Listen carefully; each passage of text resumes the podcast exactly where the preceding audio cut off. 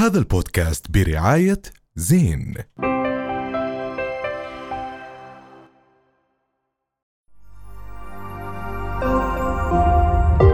رؤيا بودكاست.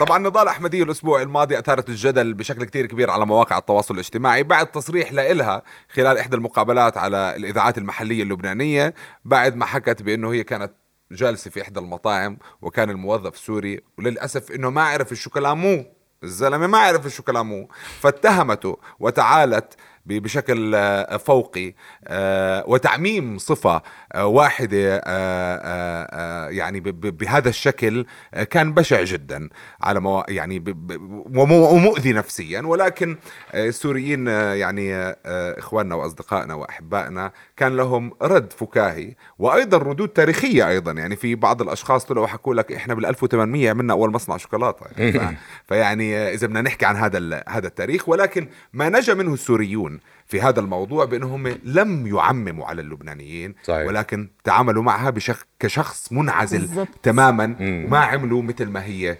عملت إحنا أكيد آه، طبعا يعني هو المنطقي دائما إنك تكون ضد أشخاص مثل هذا النوع دائما ولكن اليوم إحنا راح نحكي بموضوع مختلف عن الحادثة هاي اللي صارت وهي ثقافة الإقصاء في الوطن العربي أو ال cancel culture في الوطن العربي ليه إحنا عندنا لليوم مثلا أشخاص زي هاي كلنا متفقين 100% إنه هذا الشخص لا يمثل أي شريحة ولكن بعد أسبوعين بتلاقيها رجعت. أنا بظن إنه موضوع الإقصاء عندنا مش موجود بكل المجتمعات وهذا لأنه إحنا مش متعودين نوقف بوجه الأشخاص الغلط أو الأشخاص الوقحين أو الأشخاص الفاسدين إذا بدك كمان.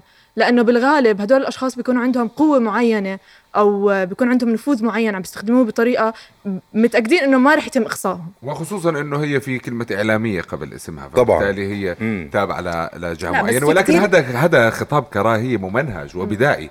والدليل إنه هذا مكرر إنه نوصل لهذا المستوى في الحديث بالضبط. في هذا المستوى قد إيه هم عم برفضوا آه، الوجود ال ال الإخوان السوريين في في لبنان بأي طريقة يعني لو وصلوا أو وصلت هي لهذه الطريقة هلأ كثير من الناس رافضين وجود ال- اللاجئ السوري وأي لاجئ وجود الإنسان عنده في بلده ولكن ما بيطلعوا يحكوا. لكن عشان هاي في وراها كلمة اعلامي أنا بحس إنه أو ما بعرف إذا عندي رأي بالموضوع أو إني مش مهتمة أصلا إيش نضال الاحمديه حكت لأنه إحنا عم نعطي قيمة لأشخاص ما لهم قيمة بصراحة. بس في حالة صارت وفي كم من حدا حكى في موضوع مهم كثير واللي ممكن إحنا نتناقش فيه.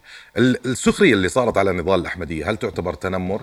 إحنا بحس عندنا مشكلة بموضوع أو كونسبت التنمر أخذناه بطريقة آه، بجهة واحدة فقط.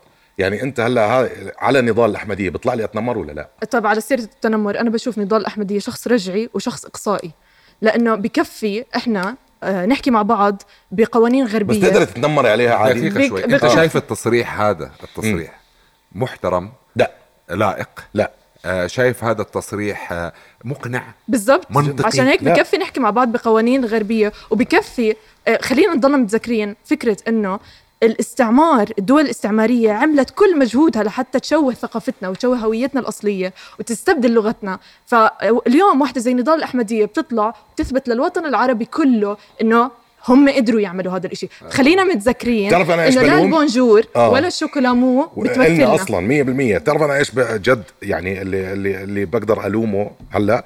اولا الوسيلة الإعلامية اللي طلعت عليها SBI اللي هي آه، راديو لبنان international. شيء زي هيك. مشاهداته ما بتتعدى 200 300 صار عمل ترند والبرنامج ممنتج وطلع طيب بس هو هذا ممنهج كمان ماشي. ممنتج وممنهج هذا واحد الت... اثنين أنا بلوم القانون بهاي الحالة لأنه أعطى مجال لشخص زي نضال الأحمدية. القانون اللبناني أعطى مجال لشخص زي نضال الأحمدية هلأ تروح تف... شوف. ترفع قضية على معتصم النهار عشان انه طلع حكى. ودافع عن بلده في قضايا. بينها وبين أغلب الفنانين كثير هلأ محاميها عم بحكي يعني بس أنا بدي أحكي لك انت بتحكي قانون اليوم يعني إحنا لا ندخل في السياسة يمكن هذا مش مجالنا ولا عالمنا ولكن اليوم أنت لما تيجي تفرج قانون تتفرج على الوضع اللبناني بشكل عام. انت يعني تمام. بس بيعطي أحقية لهاي للأسف. الأشخاص إنه الرأي العام متفق 100% إنه هاي الشخص يعني عفوا باللي راح أو ما راح للبنان. هي بس إنه هي أساءت للبنان. ومسيئه طبعاً. وبراي كل الناس إنها مسيئة. أساءت كيف للبنان. تعطي حق أنت إنه آه والله بيطلع لك ترفع القضية؟ بس في ناس كانوا مع اللي هي حكته. طبعا في ناس. من. طبقتها صراحة. لأنه هي عم تطلع بطريقة طبقية يعني.